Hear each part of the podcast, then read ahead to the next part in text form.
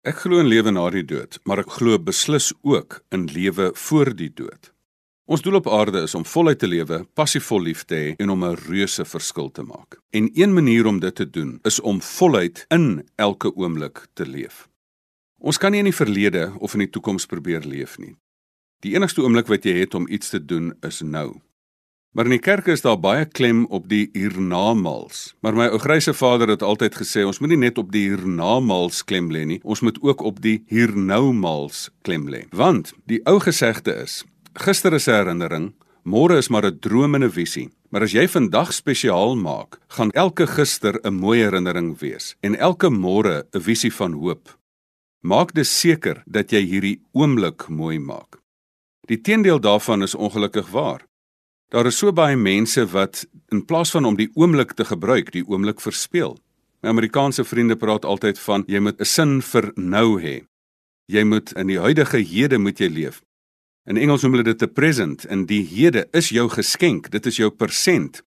Dit is dit wat jy nou moet gebruik om iets spesiaals, om 'n stukkie spesiale geskiedenis te maak.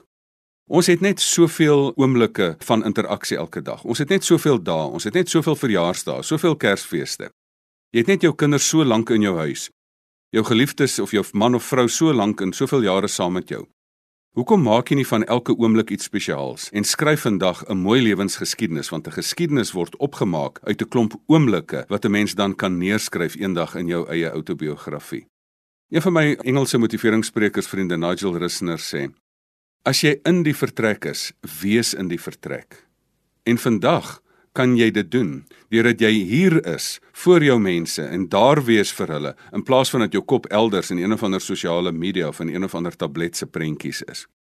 Vandag moet jy kan die gewone in die buitengewone kan skep. Mense het nie geld daarvoor nodig nie. Jy kan 'n piknik in jou tuin gaan hou, jou ete net op 'n kombersie gaan eet en iets spesiaals maak. Jy kan 'n kersie aansteek.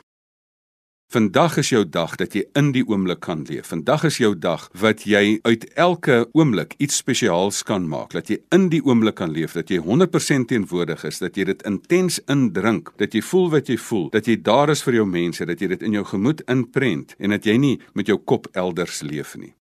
Dit gee ook vir ons nuwe betekenis aan die teks van as jy in jou klein oomblikke iets goed doen, gaan die res vir jou bygevoeg word. Daar staan ook oor min was jy getrou, oor veel sal ek jou aanstel. Wees getrou oor die klein oomblik wat jy elke oomblik het. Wees daar. Lê klem op die hiernoumals, dan gaan jy vir jou 'n goeie lewensgeskiedenis skep.